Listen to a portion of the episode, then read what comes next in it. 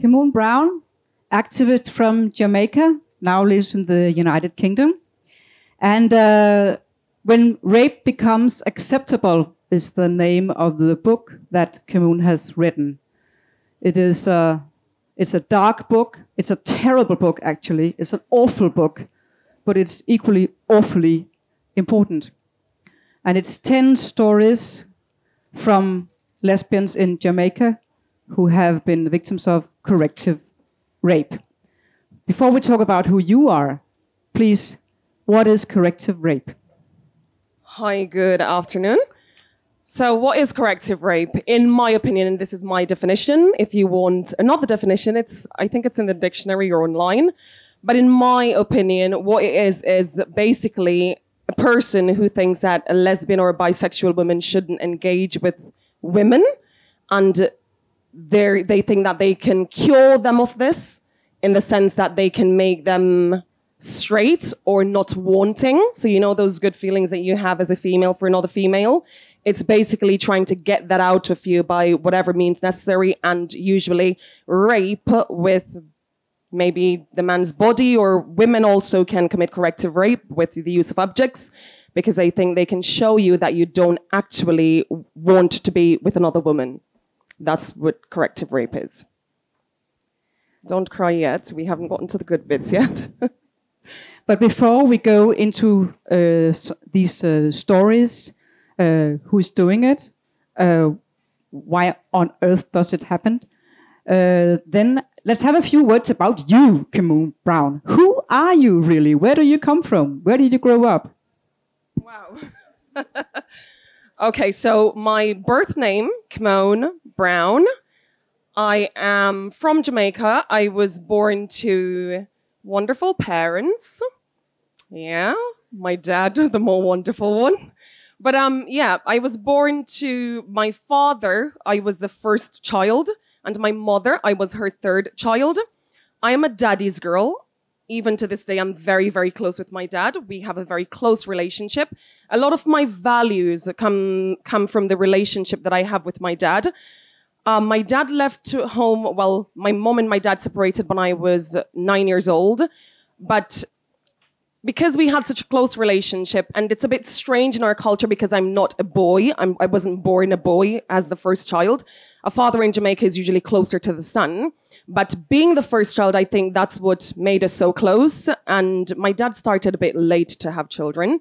So, um, a lot of my values stems from our relationship. My father is a man of principle. He's very, very principled. He's very fair and just. My father is Rastafarian, but he's always raised me to be my own self. If I wanted to be Muslim, if I wanted to be Buddhist, I could be whatever I wanted to be because it was my life to live. And, you know, whatever became of it, he was still going to be my parent.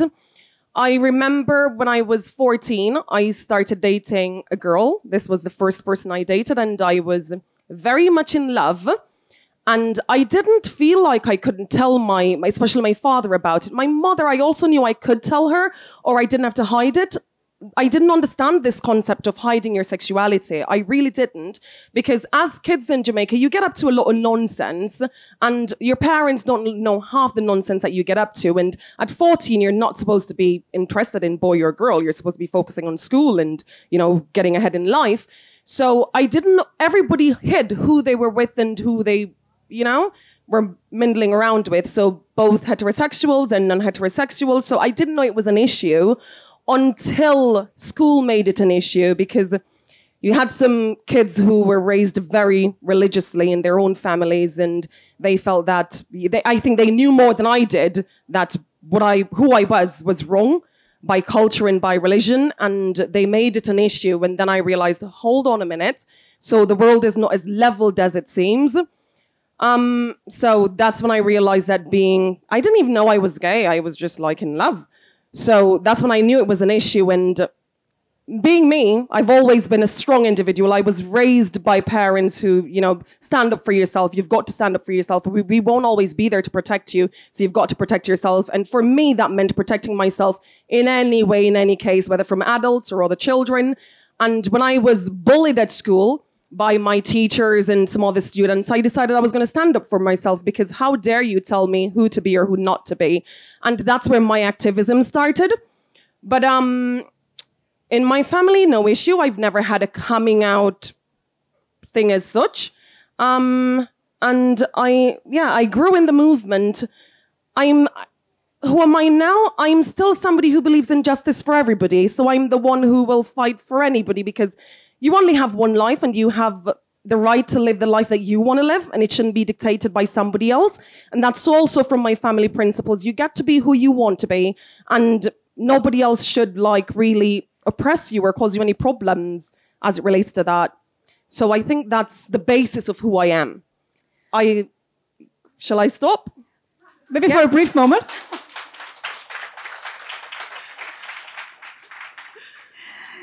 when did you when did you you said you didn't even know there was such a thing called a lesbian.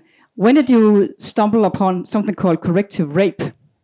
Yeah so when i when i left high school i wanted to go find life. I'm from a little town in jamaica called montego bay.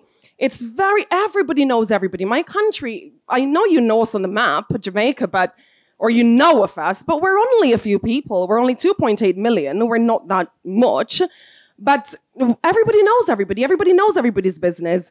And when I left high school, I was from this little community and I thought, I want more out of life. I want to see the world. I want to do things. I want to do amazing things. And I went to Kingston. And when I moved to Kingston, I became part of the movement there. I became part of the LGBT movement. And I was very young, but as I said, I've always believed in the good fight. So I thought, oh, this is going to give me a purpose. And I got on the board of their, well, their committee and I became the researcher there. And I'm inquisitive, very, very inquisitive. I'm a mathematician by profession now because I like to find things out. I became part of the board there and I was a researcher and I was asked to come to China to do this. Um, I was asked to look into the whole issue of HIV and AIDS in the lesbian community. And that was very interesting for me because on one hand, you'd hear people say, oh, hang on a minute, there is no HIV and AIDS, lesbian can't transmit HIV to each other. But then there were lesbians who were, you know, positive. And I thought something must be amiss. I want to find out. And I thought that th- this was a good opportunity. And while I was doing that research, one woman explained what had happened to, to her.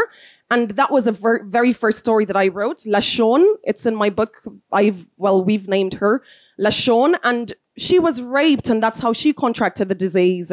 And when she explained to me what happened, I was like, what? So you were raped not because you're a woman and a man thinks that, okay, he should have whatever, you know, oppress a woman because that's how we're violated, isn't it? But because she was a lesbian woman. And I was like, what do you mean? Because you were a lesbian woman. And then she explained to me that uh, her story's in the book, but basically they watched her and they were upset by, by the fact that she was a lesbian woman, which is a concept I, I understand. I lived in the ghettos of Jamaica. I've, I've heard, you know, I've been threatened with being killed, not raped, but I was threatened with, threatened with being killed because my girlfriend lived with me. And so I understood that, oh, they don't accept it, they'll want to bully you and stuff like that. But when she explained it to me, then I, it lingered and it lingered for a very long time. Like I just couldn't fathom it. And then I was in South Africa, and while in South Africa, we were talking. I was talking to some guys, and one of the guy explained that there's this thing of corrective rape, and I said, "What do you mean corrective rape?" Well, he said curative rape, and I said, "What do you mean by this?" And he explained that, well, it's this whole thing where they rape lesbians to make them straight. And I said, "Hang on a minute." So that happens in Jamaica, so it has a name, just like I was when I found out I was a lesbian. So I got that information and I was like, I was fumbled. I was like, I don't understand it. I want to understand it more. And in Jamaica, we have an issue. I was telling this to Britta that, you know, or lesbian community, you're either like top lesbian or you're like nobody lesbian. You're top lesbian if you've never been with a boy and or a man and you've never been touched by this in, you know, this evil being of the male species.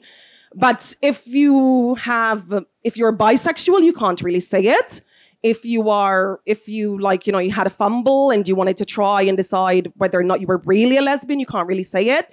So I knew that it was going to be difficult to find out what was happening And then I started feeling it out. And yeah, that's how the stories kept coming, just by word of mouth, and mainly word of mouth in the heterosexual community. That's why arrived at that book and got to corrective rape. Yeah.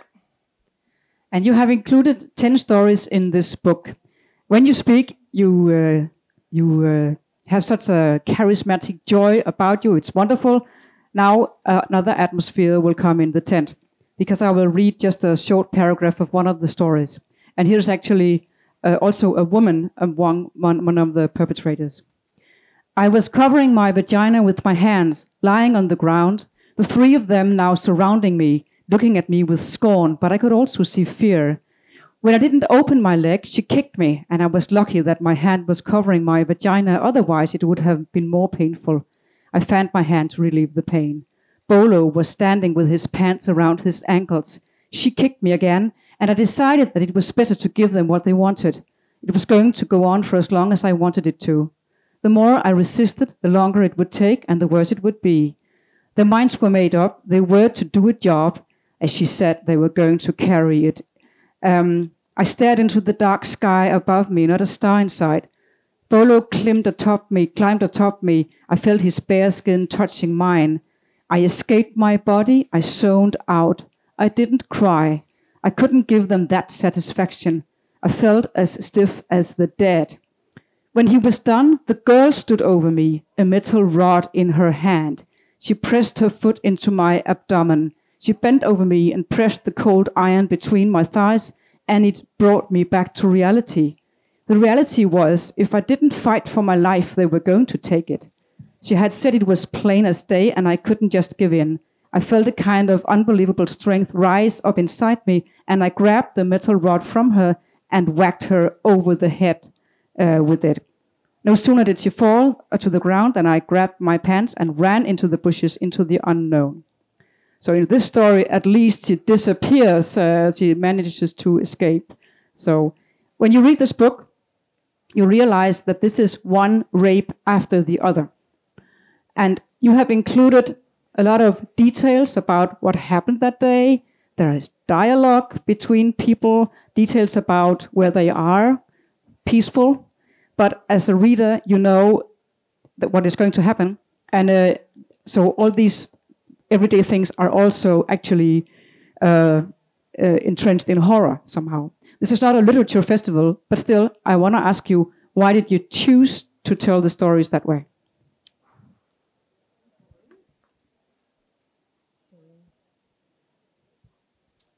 Okay, so hmm. The collection of the stories was difficult. It was very, very difficult. But, and I think it's who I am as a person that made it possible. I'm very protective. I'm very much. Sometimes I don't pay attention to my own feelings because I'm busy worrying about other people's feelings. But I like that about myself, even though sometimes it's a bit problematic. So it was a bit easier to work with these women because I understood that they had a harder job. Their job was to recount, to go back to that day and say exactly what happened. And I wanted to know what exactly what happened because I wanted to understand it. And I wanted, at the moment, when I was collecting the stories, I didn't know I was going to write a book. I thought I was going to create a research paper and people will get to see it. And when I got to this book, I got two book deals, which I turned down because both of them wanted a more I'm a researcher. I'm supposed to do academic work. I'm supposed to make it appealing in the university setting, in a government setting. But when I looked at it, when the book came, cover was done and everything. And the cover, the first cover was like this. It was a white cover, hard, hard cover, and it had the name on it. And the name wasn't always when rape becomes acceptable. We we had three names, and I decided on this one by myself. But the cover came and it was white, and for me, white is purity. White is white is something that's supposed to be glorified. Yeah. And when it came, I thought to myself, but this is not what's inside. This is not what you can't glorify rape. I don't want it to be on a shelf and it, it'll be like, oh, I've got to get that. I want, I want to see and, you know, it's not something that we should look at and think, oh, it's good, because it's not. Yeah? So I had a lot of sh- a lot of issues with the book dealers and the whole academic standing. I wrote it, I finished it, it came, and I thought, I don't want this. As an activist, I've always felt that if I can let you see how I really feel, then you can see me as a human being. Then you can see past politics, you can see past your culture, you can see past your religion, you can see me as a human being because you're also a human being. Regardless of what you're going through, you are also going through things, and we can see eye to eye on that level. So, but with the book, I decided I'm going to learn how to self publish. And I learned how to self publish. I did a publishing course, I did all these things, and I figured it out. And I decided I was going to tell the stories. I was going to make, I knew it was going to be brutal because a lot of the things that was said is not in the book because I just thought that the world couldn't handle it. A lot of people couldn't read through it.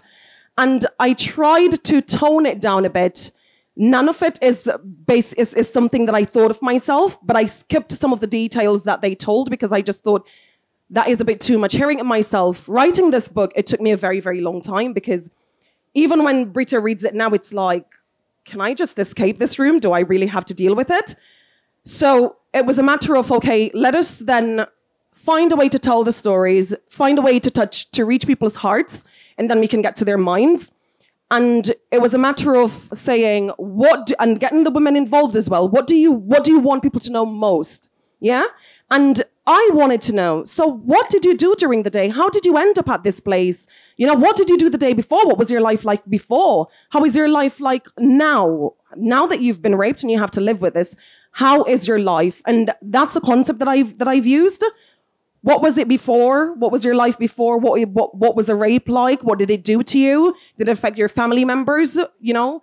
And then how are you now? And I thought it was very very important to show that record that you can walk out of this room. If this was a room in Jamaica and you were a lesbian woman, you could walk out of this room. We're all sitting here having a very good discussion. You go down the road, and that's when you face your correct, corrective rape. So it, it, it's not something that's out of the world. It's not something that's just going to fall from the sky. It's something that happens in our everyday lives. We could be sitting right here and somebody's being raped outside the tent had it been in Jamaica. And I really, really, really wanted to get that point across. So I think that's why I told the stories the way that I did. And that's why it was important for me. And the title itself, When Rape Becomes Acceptable, I chose that title because why is it not okay for a woman heterosexual woman in Jamaica to be raped, but it's okay for me to be raped as a lesbian woman. Why do you then, why does the police not give help? Why does the government not, not give help? So you're accepting that it's okay for me to be raped, but not for everybody else, if that makes sense. So that, that was the importance for me, Britta. When you uh, read the, the stories, there is a pattern that uh, most of the men who rape are either related to the victim or some kind of close relative or friend. Uh, please uh, explain, um, yeah, what what role does cultural religion play? What are the circumstances that makes it happen? Because even some of the people say they were kind of warned. Somebody said, you know, something you should take care. This is about to be planned. I've heard about it. Mm-hmm. Yeah, so Jamaicans handle their business themselves. People go to the police, but I mean, if you broke into somebody's house, then the whole community could, could, could attack you. And as I said, we're not a lot of people. People are really, really close. People sit down and talk about things. As much as we'd, we'd sit down and talk about how good Pride is after tomorrow's Pride Walk, people sit down and talk about everything that's happening in society, everything that they're planning to do and not planning to do. And what was very interesting interesting for me with the story that you mentioned was it was how it was talked about was like it was just another thing that they were going to do. It's like going to a party. Oh i'm i am going to rape her. And for somebody to know that that is going to happen you know for them not to feel that oh i can't even say that this it's like oh i'm going to go kill somebody tonight but i can't really say it for everybody to know i'm going to do it in secrecy. But with corrective rape you could just plan it outright you could just sit and plan it and somebody else could hear. And this was somebody that knew this person. So it was like there was no care whatsoever. Because I'm right to do this, the police won't come to get me. God will understand because God doesn't want her to be lesbian anyway. Her family will understand because she's bringing shame to the family. Yeah? What, what is there to do? I can just do it and I can talk about it like anything else. I can talk about like going to the fridge for a cup of water. So the whole issue of every people knowing people could be in their houses and here and not do anything about it. We've we've had that that that happening where a woman is outside being raped, and because the community knows that there's a lesbian living over there, they're not going to come out and do anything because you're they they want you out anyway. They don't want you to be part of the community. You're, lesbians, gay men, we're not accepted in Jamaica. So whatever the community will do to get you out, good riddance. And with, with the whole issue of people knowing, nobody will just come up I don't, people don't think I'm a lesbian. Lesbians don't think I'm a lesbian because I don't dress like, dress like a boy. So that's how a lot of people know. But then women in this book were raped. They, they didn't dress like boys. So somebody had to have known that they were lesbians to want to correct their sexuality, to want to correct their sexual orientation.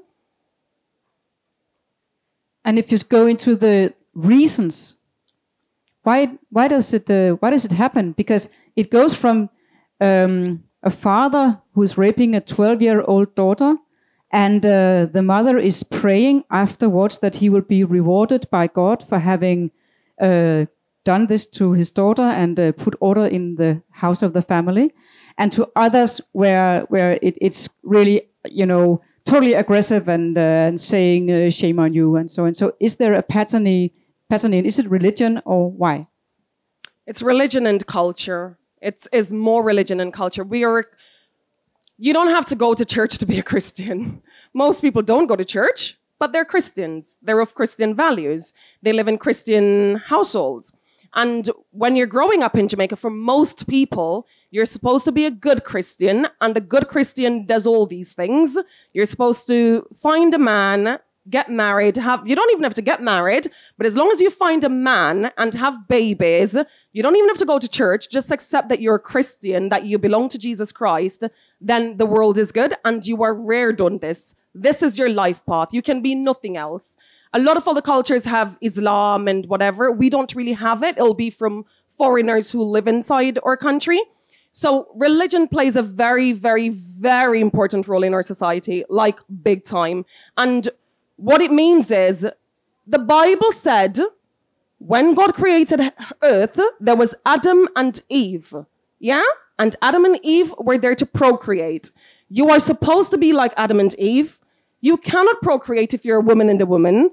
You're bringing shame to us because the Bible also says that you sh- a man should a man should not lie with a man. They quote all these things. A man should not lie with a man. And then, if you're not a good Christian, you're bringing shame to your family. Your mother that has given birth to you has labored for nine months. You're bringing shame to her. And shaming is not something that we accept in our society. In any case, you have to do well in school. If you don't, you're bringing shame to our family. You have to, you know, dress right. If you don't, you're, you're bringing shame to our family. And that's what society is built on. And that's where the prejudice comes from when it comes to homosexuality. You cannot be gay. It's not acceptable. And if your parents accept it, it's because your parents are also demons. So that, that's, that's the basis of it. And by doing that, it's like this. The Bible says don't eat shellfish. So I can torture you for eating shellfish. Oh, why do you eat it? Oh, you shouldn't eat it. Oh, I'm gonna, I'm not gonna buy it in my house. I'm not gonna do this. That's our culture. That is our culture. Because the Bible says it, you should not do it. And if you do it, then I'm gonna be a good Christian I'm going to be a good person and I'm going to stop you from doing it because I'm looking out for you. And this is what Jesus Christ would want. And that's the basis of corrective rape. They won't think twice. They will not think twice because you should not be gay. And I'm going to make, I'm going to make you right by raping you. So even though it's wrong, a woman will, a heterosexual woman will say it's wrong to rape a heterosexual woman, but then they'll say no, but she's lesbian. So it's just fixing her. They're helping uh, to in the stories that you know of, how many women uh, went to the police, and um, and what what happened? I collected a total of, I think what there was. I collected two of the stories, and it wasn't in full. So I, I'd say I'd collect um, thirteen stories, and of the 13 of them, I only included 10, but three of those people went to the police. A mother went to the police for help. A mother went to the police for help. But because her child was homosexual, then she didn't get help from the police. So you go, but the police also believes in the Bible. The police also believe it's wrong. So if you're if you're unlucky, you could also be further, I don't know, discriminated against, stigmatized, harmed by the police a lot of women will not go to the police because, and what the women say is that they don't feel safe. And I understand that. I do understand that because how do you go to the police and say, I was raped because I'm a lesbian? You're already saying to them that you've done something wrong. So, in essence, you're saying that, well, nothing should happen because I did something wrong and this, these people or this man tried to fix me. And the police believe that. So, you'll be turned away if we can, let's bring a little bit of hope uh, into the tent as well. This story that came out uh, last year, I think, 2017. Uh, 2017. Who is reading it? Where does it go? Yeah, this is a good part of the book because I don't like preaching to the converted. I never have. Like, what's the point?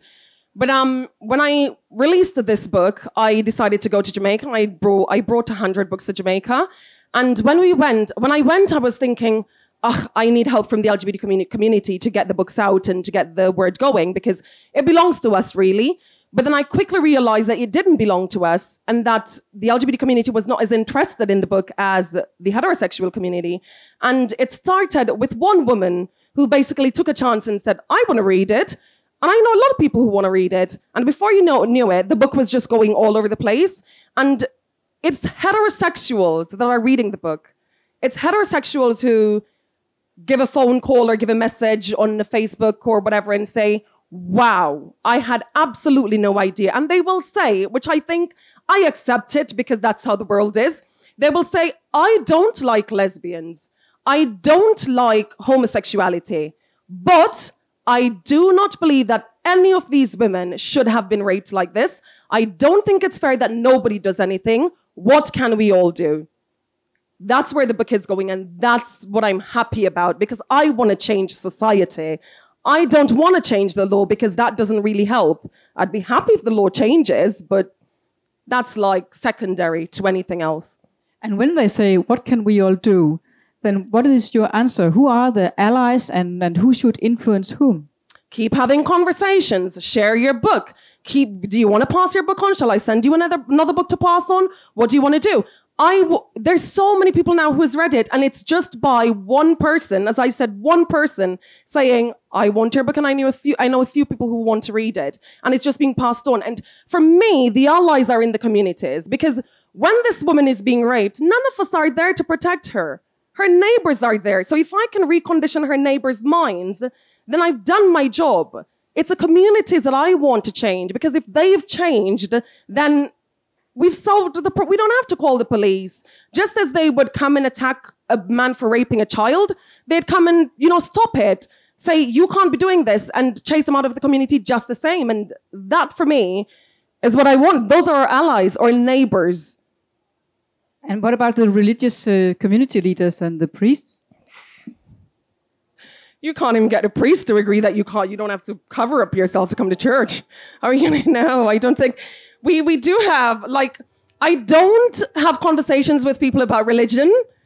And that's from my, the way I was raised. I don't want to convert you, but the moment we touch on the topic, then you'll think that I want to convert you. And I don't want to be converted, but I want us to have a conversation. What would Jesus be like? Would Jesus do this? But then people take it wrong.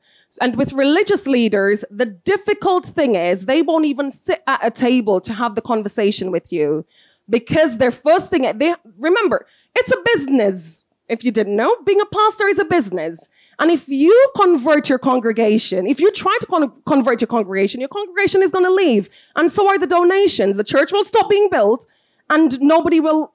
So I understand their plight. Some, some pastors, pastors we say, some pastors might be, you know, okay with having conversations individually. Yeah. But do we? No, I, I, I, I, I don't want to touch it because, yeah, I don't want to touch it. And I don't, I don't see how we'll convince them. Actually, your activities have kind of you have spread out from beginning with these stories. So, so please give us a, a picture of what you are doing now, trying to do, and what you'd like to do in the future, because you also have a group of women collecting more evidence, more documentation. Yeah. So, since this book came out, and with the heterosexual community taking such interest in the book, they also want to tell their stories and they also want to share what they're going through. We have major issues around sexuality and sexuality, not just based on sexual orientation, sexuality on a whole, because we have issues with childhood sexuality. We have major, major, major issues with that. We have a lot of issues in our society. And from this book and from people reading it, we've been touching on other issues and they want, they think that by creating books and by sharing stories that we'll become more sympathetic towards each other and the society will continue to change. So my work now is to do more research. I've written a second book with which Britta have here, and that's on an issue that I'm very passionate about as well. It's it's called Too Normal because in Jamaica, if my mother just took up this table and threw it at me, and I break my back or whatever, it's normal. It's like, oh, what has she done now to cause that on herself? Nobody will say, call the police on my mother or whatever. It's normal. And kids go through this. Kids go through a lot of abuse, but it's not seen as abuse. So that book talk, it's about people's stories as well to say how it's affected them. And all those stories are from adults who, when you have those interviews with them, it's like you sit down and you think to myself, to yourself, how are you even living? How do you even cope? How do you even get by in day to day? Because this has such an impact on you. So I'm writing stories, I'm collecting stories. I'm in the process of writing three books. We are still collecting stories about corrective rape because the stories I collected were like 10 years ago.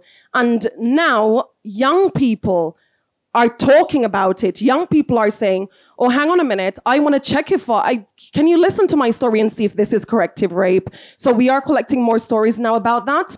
Um, yeah, my activism is I don't associate with any organization, but I have a charity in Jamaica, and my charity deals with poverty and help children stay in school and help people be fed and clothed and stuff like that, teach people how to be business savvy and how to save money. But um, with my activism, I just do my research. I'm a research consultant. I'm mainly mathematics, but yeah, that's what I do now. And just trying to get people to wake up wake up and see that it's not normal for all of this. It's not okay as well. So that's what I'm doing now. And while the music begins, uh, you may think about if you have some questions. While I was, I ask one more. Yesterday we had a session together with the LGBT Denmark and Kimoon, and uh, uh, Nicole Schaaf from. Uh, you can have another one if it doesn't work.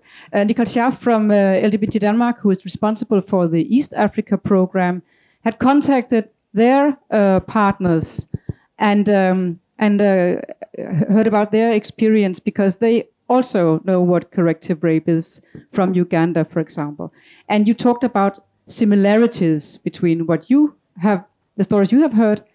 Please share some thoughts about what you what you think. Is there something to uh, to uh, can you say gain from cooperation? Or what do you think about these similarities?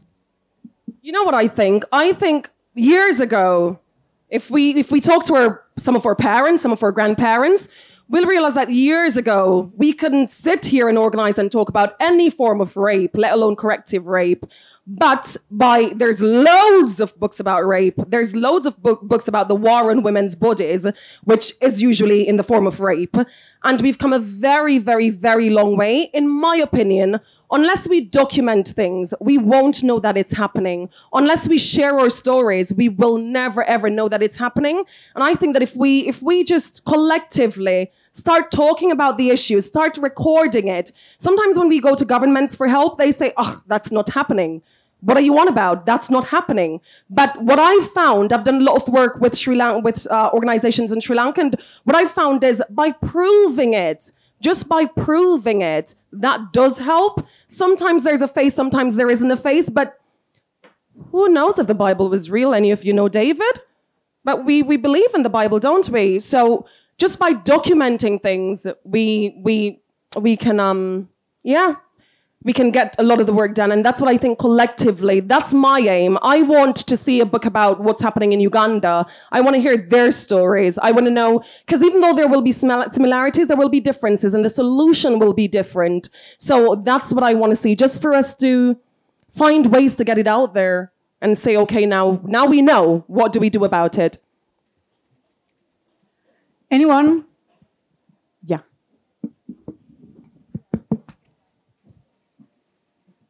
This isn't so much a question as a comment on your first uh, definition of corrective uh, rape, because you uh, framed it as women who love women, but we also know that the asexual community who don't experience sexual attraction also faces a lot of corrective rape.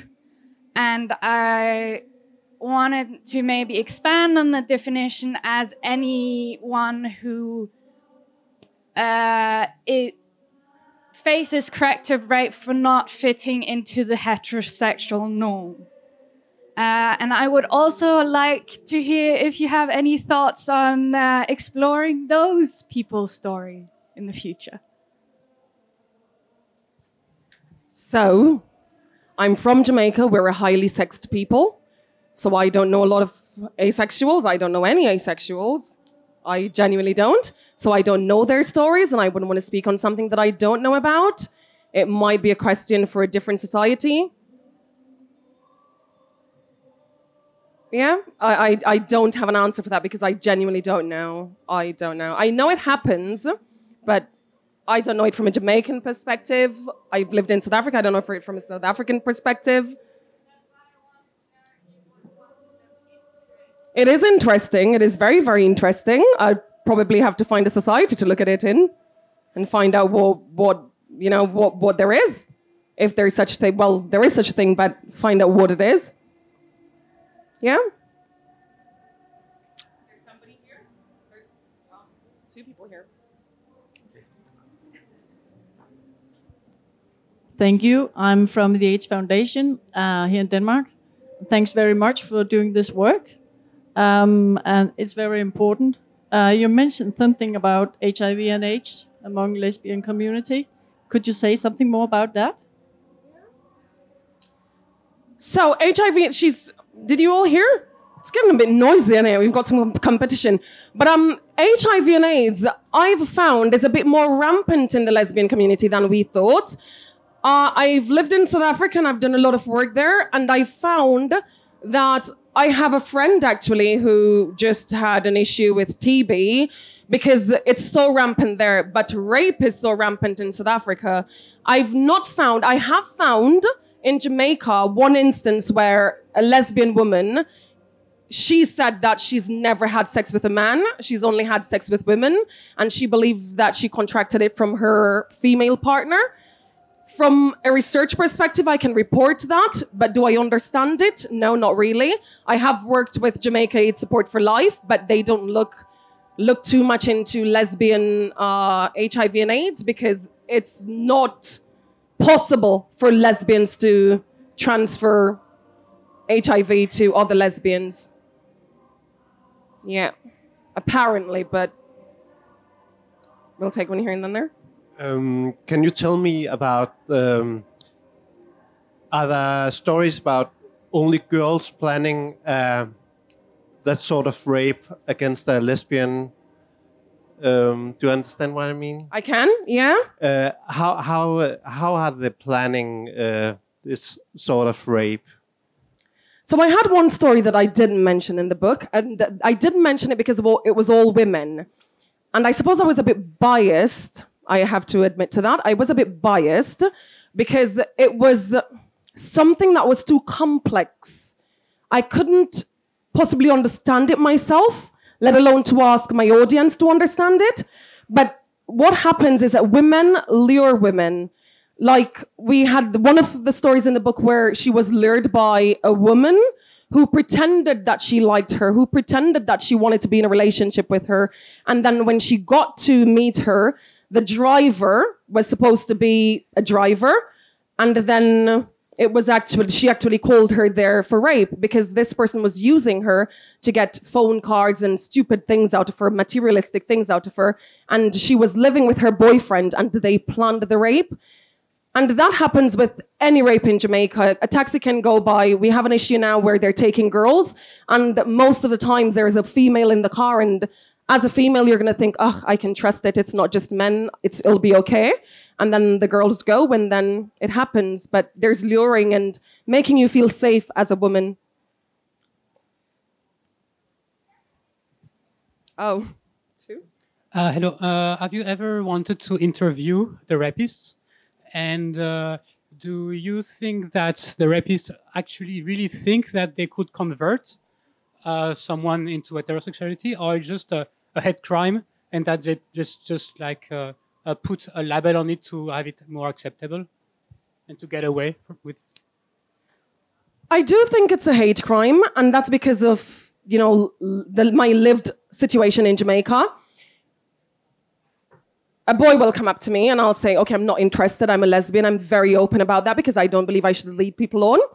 And he'll say, oh, but you can't be a lesbian. You're too pretty to be a lesbian. You're too girly to be a lesbian. And a lot of them think that that's nice to say, but I don't think it is.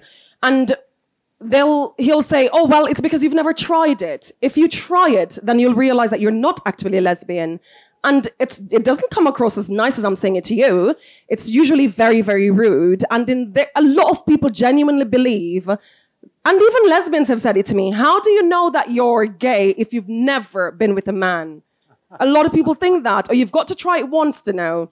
And it's a belief system. So is it a hate crime? It is a hate crime because you're trying to force me to be something that I'm not. Yeah? So that's to answer one of your questions. The other one, am I interested in the rapist? I'm interested in all rapists. I'm interested to understand the mind of every rapist because it's like walking over and picking up her bag. Why would I do that? It's not my bag. Why would I do that? So, why would you take something that is so valuable from a human being? I would really like to understand it.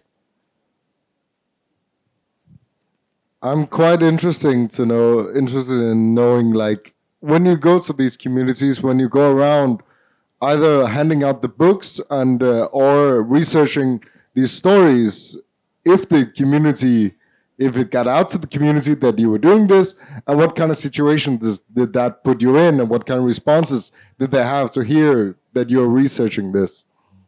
Yeah my problem is twofold because i don't live in jamaica anymore so there's that issue like oh so you think you're better off than us now you want to shame us so there's that problem there's also the problem of, you know, how dare you like come and talk about that issue? How dare you, you know, come and, you know, talk to lesbians about that issue? But I'm very, very careful. This I try to be very, very careful. I don't even take the taxi in Jamaica. I don't take public transport. I don't. I travel in cars that are like tinted, tinted, dark cars. And that's for my own safety. If I'm with my dad, if I'm with my brother, I, and my partner, I feel very, very safe. I feel all right. But I also think to myself, it's fight or flight situation. If it came down to it, would I just stand there and be killed? It's like you've just got to accept the reality. As an activist, you've got to accept what you are and what you do, especially in countries like ours. You can just be killed for even opening your mouth and mentioning it. You can just be killed for somebody finding out that you're a lesbian. So it's it's always scary, but you decide to live in fear, and I've decided not to live in fear.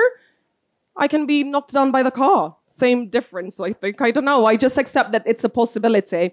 And with handing out the books, yeah, you do. It's just by being an activist, you, you face the, you face this. I can go to Jamaica just for a holiday, and it'll be a problem. If somebody in the hotel finds out that I'm gay, I share a hotel room with my girlfriend. You know, somebody can go out and tell somebody else, and that'll be a problem. We've had that happen to girls who are not even from Jamaica. So the possibility is always there. It's dangerous. They are getting better. They are getting better. We've come a very, very long way, but the society is not yet conf- conformed. So we still have a lot of work to do and a lot of safety precautions to take, which I do take. The Rådhusuret just slog. Uh, so we're about to finish. Um, and I would like to give the last, um, which is the Danish word for the tower bell.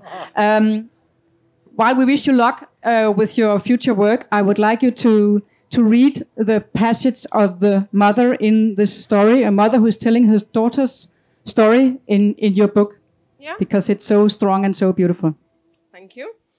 Now, this lady shared her her daughter's story, and her daughter.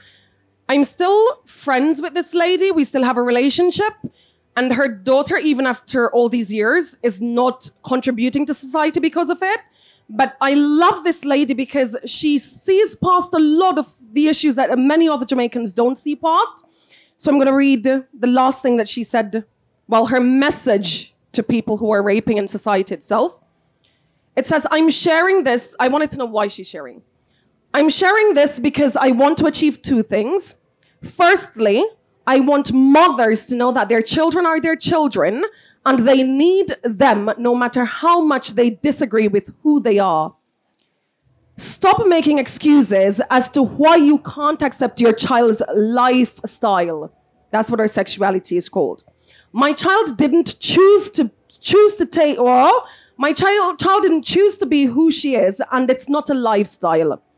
A lifestyle is choosing to take trips to Miami for summer vacations. Being who you are isn't. No mother should turn her back on her child. The world is a cold, hard place for children who are different. And no matter how old our children get, they need us. So, love your child. I can't see. Love your child no matter what. Be happy that they have the courage to be honest with who they are. Too many of these kids are out there alone with no one to turn to. I also want people to understand her second reason.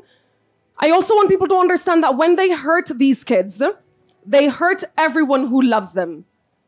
What those men did could have killed my child, and all because she chose to be who she is. Stop killing our children. How many times must I pack up and move? Why should my child not be left alone to be herself? Stop hiding behind religion and everything else. My Renee, this is her child's name, was not converted by anyone. And she didn't choose to be a lesbian either. I knew she was different, different since she was a ch- small child. I watched her grow into herself. That's her message.